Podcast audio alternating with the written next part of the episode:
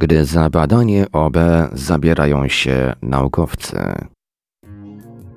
O OB, czyli doświadczeniu poza ciałem, słyszał zapewne każdy z nas. Większość zapewne wie również, z jakim dystansem do tego zjawiska odnoszą się naukowcy. W świetle nauki opuszczenie ciała przez świadomość jest nierealne i niemożliwe, zaś doświadczenia tego typu to tylko i wyłącznie złudzenie, wytwór zmęczonego mózgu. Często entuzjaści OB, słysząc podobne teorie, oburzają się, twierdząc, iż naukowcy odrzucają możliwość istnienia takiego zjawiska, choć nie zbadali go. Czy tak jest w istocie? Okazuje się, że nie. Wykonano bowiem wiele eksperymentów naukowych mających, przynajmniej teoretycznie, potwierdzić lub nie istnienie OB. Czy jednak te eksperymenty cokolwiek udowodniły i czy w ogóle nam coś dały? Spróbujmy im się przyjrzeć. Pierwsze obszerne naukowe badanie doświadczenia pozacielesnego dokonała w 1968 roku Celia Green. Zaczęła od spisania i opisania ponad 400 przypadków OB w celu sporządzenia systematyki różnych typów OB, które już wówczas uznawano za halucynacje lub nieprawidłowo odebrany bodziec środowiskowy.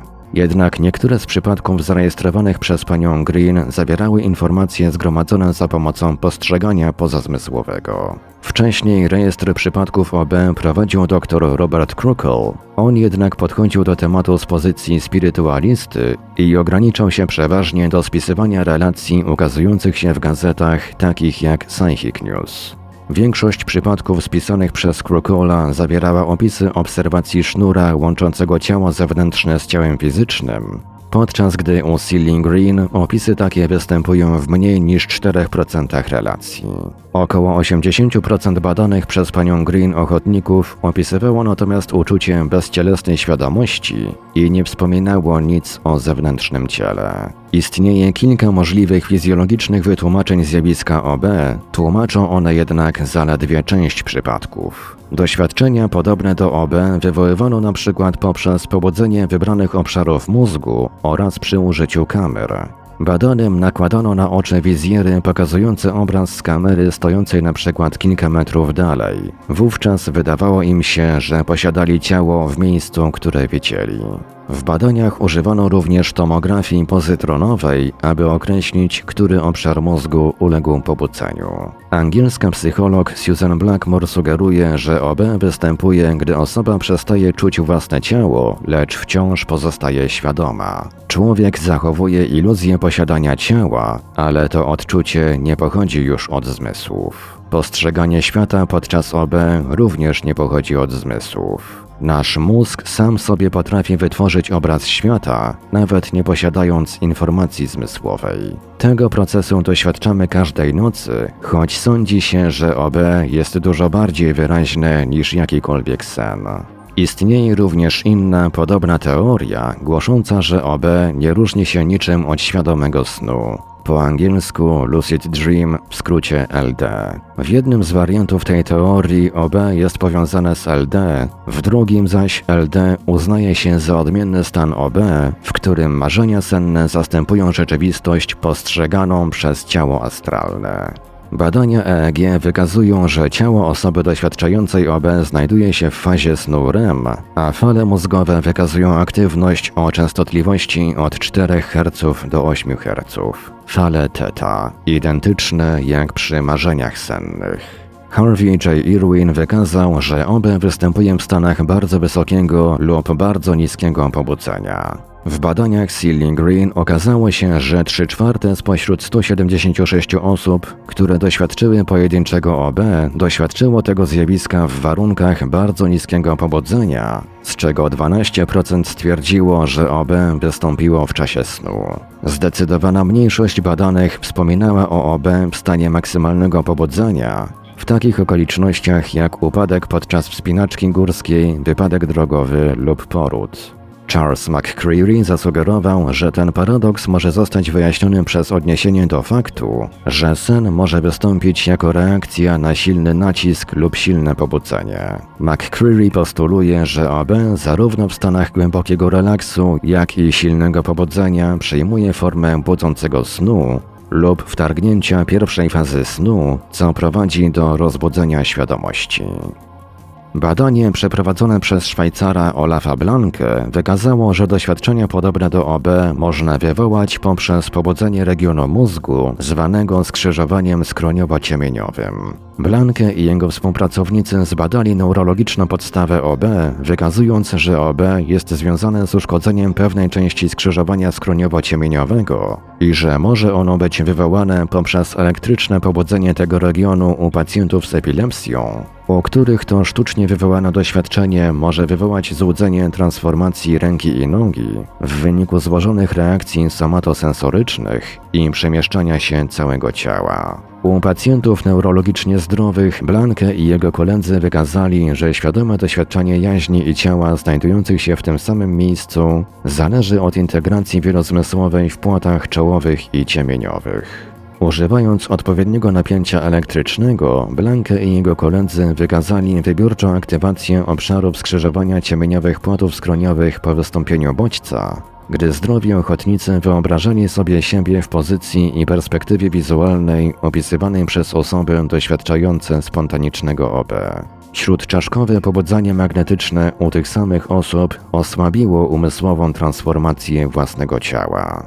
Żadnych podobnych skutków nie osiągnięto przy pobudzeniu innych miejsc lub przy wyobrażaniu przestrzennej transformacji przedmiotów, co sugeruje wybiórczy udział skrzyżowania ciemieniowych płotów skroniowych w umysłowym obrazowaniu własnego ciała. Idąc tym tropem, Shahar Arzi i inni badacze wykazali, że miejsce i synchronizacja aktywacji mózgu zależy od tego, czy umysłowe obrazowanie jest wykonywane przy ucieleśnionym lub pozbawionym cielesności poczuciu miejsca. Kiedy ochotnicy wykonywali obrazowanie z ucieleśnionym poczuciem miejsca, zwiększała się aktywność regionu mózgu zwanego pierwszorzędową bądź przednią korą wzrokową, Lecz gdy badani obrazowani z bezcielesnym poczuciem miejsca, wówczas bardziej aktywne było skrzyżowanie ciemieniowych płatów skroniowych. Arzi i inni badacze argumentują więc, że cytat to pokazuje, że rozdzielenie działalności mózgu w rejonach pierwszorzędowej kory wzrokowej i skrzyżowania ciemieniowych płatów skroniowych, jak również jej synchronizacja, są decydujące dla kodowania jaźni jako ucieleśnionej lub nieucieleśnionej. Koniec cytatu. Blanke i jego koledzy postulują zatem, że prawidłowe skrzyżowanie ciemieniowe jest ważne dla poczucia przestrzennego umiejscowienia jaźni i że OB powstaje, gdy te procesy zostaną zaburzone. W sierpniu 2007 roku laboratorium Blankego opublikowało w czasopiśmie Science badanie pokazujące, że kolidujące wizualne somatosensoryczne wejście w wirtualnej rzeczywistości mogłoby zakłócić przestrzenną jedność między jaźnią a ciałem. Podczas konfliktu multisensorycznego badani czuli się tak, jak gdyby wirtualne ciało widziane z przodu było ich własnym ciałem i byli zdelokalizowani względem wirtualnego ciała, znajdując się poza cielesnymi granicami. Pokazuje to, że przestrzenna jedność i cielesna świadomość mogą zostać zbadane eksperymentalnie i są oparte na multisensorycznym i kognitywnym przetwarzaniu informacji cielesnej. Michael Persinger przedsięwziął badanie podobne do tego, jakie zorganizował Olaf Blanke, używając magnetycznego pobudzania prawego płatu skroniowego, o którym wiadomo, że jest zaangażowany w funkcje wizualno-przestrzenne, integrację multisensoryczną i konstrukcję czucia ciała w przestrzeni. Badanie Persingera dostarczyło również dowodu na istnienie obiektywnej różnicy nerwowej między okresami zdalnego postrzegania u dwóch osób twierdzących, że posiadają zdolności parapsychiczne. Persinger zbadał Shona Harrybensa i Ingo Swana, słynnych zdalnych postrzegaczy, którzy brali udział w licznych widowiskach. Badanie Harrybensa wykazało poprawną aktywność EEG w zakresie fal alfa od 8 do 12 Hz w rejonie płatu ciemieniowo-potylicznego jego mózgu, co stanowiło dowód na przebyty uraz mózgu w przeszłości. W drugim badaniu poproszono Ingo Swana, by narysował obrazki, które ukryte zostały w kopertach znajdujących się w innym pokoju. Osoby, które nie znały natury tego badania, oceniły komentarze i rysunki Swana jako bardzo podobne do oryginałów. Na dodatek podczas prób, które u słona przebiegły poprawnie, przy częstotliwości paroksyzmowych rozładowań w obrębie płotu potylicznego równej 7 Hz, fale alfa, owe rozładowania były dłuższe. Dalsze badanie anatomiczne MRI wykazało, że nieprawidłowe sygnały białej materii podkorowej skupiały się w płacie ciemieniowo-potylicznym prawej półkuli mózgu, czego raczej nie spodziewano się, patrząc na wiek i życiorys Ingosłana. W sierpniu 2007 roku Henrik Erson, wówczas pracownik Instytutu Neurologii w University College w Londynie, opublikował w czasopiśmie Science badanie demonstrujące pierwszą metodę doświadczalną, która według Ersona pozwalała wywołać wrażenie doświadczenia pozacielesnego u zdrowych uczestników. Eksperyment wyglądał tak. Ochotnik siadał na krześle. Na głowę zakładano mu hełm uzbrojony w dwa małe monitorki. Owe monitorki wyświetlały obraz rejestrowany przez kamery postawione w odległości dwóch metrów za głową ochotnika. Obraz z lewej kamery był przekazywany do lewego monitorka. Obraz z prawej kamery wyświetlał się w prawym monitorku. Uczestnik badań widział więc obraz stereoskopowy 3D, widział więc własne plecy z perspektywy osoby siedzącej za nim. Badacz stawał obok ochotnika, tak się ochotnikowi wydawało, i dwoma plastikowymi prętami dotykał równocześnie prawdziwej i wirtualnej klatki piersiowej uczestnika, przy czym pręt dotykający wirtualnej klatki piersiowej znajdował się w polu widzenia obiektywów kamer. Uczestnicy badania potwierdzali później, że siedzieli za swoim własnym ciałem i spoglądali stamtąd na nie. W drugiej części eksperymentu badacz wymachiwał przed obiektywami kamer chirurgicznym młotkiem, jak gdyby chciał uderzyć w wirtualną klatkę piersiową ochotnika. Gdy młotek zbliżał się do kamery, uczestnik miał wrażenie, że zaraz zostanie nim uderzony. Większość ochotników myślała, że ich ciała znajdowały się na trasie młotka. Zdaniem Henryka Ersona, jego eksperyment wykazał, że OB jest tylko i wyłącznie efektem iluzji. Co nam dały te badania? Dobre pytanie, bo choć same badania wydają się być interesujące, to tak naprawdę nic one nie udowadniają. Ani tego, że wyjścia poza ciało są faktem, ani tego, iż stanowią one efekt iluzji. Jak zauważył Marek Rymuszko, redaktor naczelny Nieznanego Świata we wstępie do numeru czwartego z roku 2008, w eksperymentach doktora Ersona, jak również w wielu innych badaniach, brali udział ludzie zdrowi, posiadający zdrowy wzrok. Cytat. Trzeba jednak w tym momencie zadać pytanie, a co z niewidomymi od urodzenia, którzy również doświadczali fenomenu OB oraz stanu bliskiego śmierci, obserwując w ich trakcie z zewnątrz nie tylko swoje ciało, lecz rejestrując także rzeczywiste obrazy z bliższego i dalszego otoczenia, których nigdy wcześniej nie mieli możliwości oglądać. Co z nimi? Koniec cytatu. A co z ludźmi, którzy po opuszczeniu ciała podczas szpitalnego zabiegu obserwowali przebieg wypadku samochodowego, który wydarzył się niedaleko szpitala? Przypadek taki opisał Marek Rymuszko w książce Polskie życie po życiu. Relacje ludzi uratowanych ze stanu śmierci klinicznej.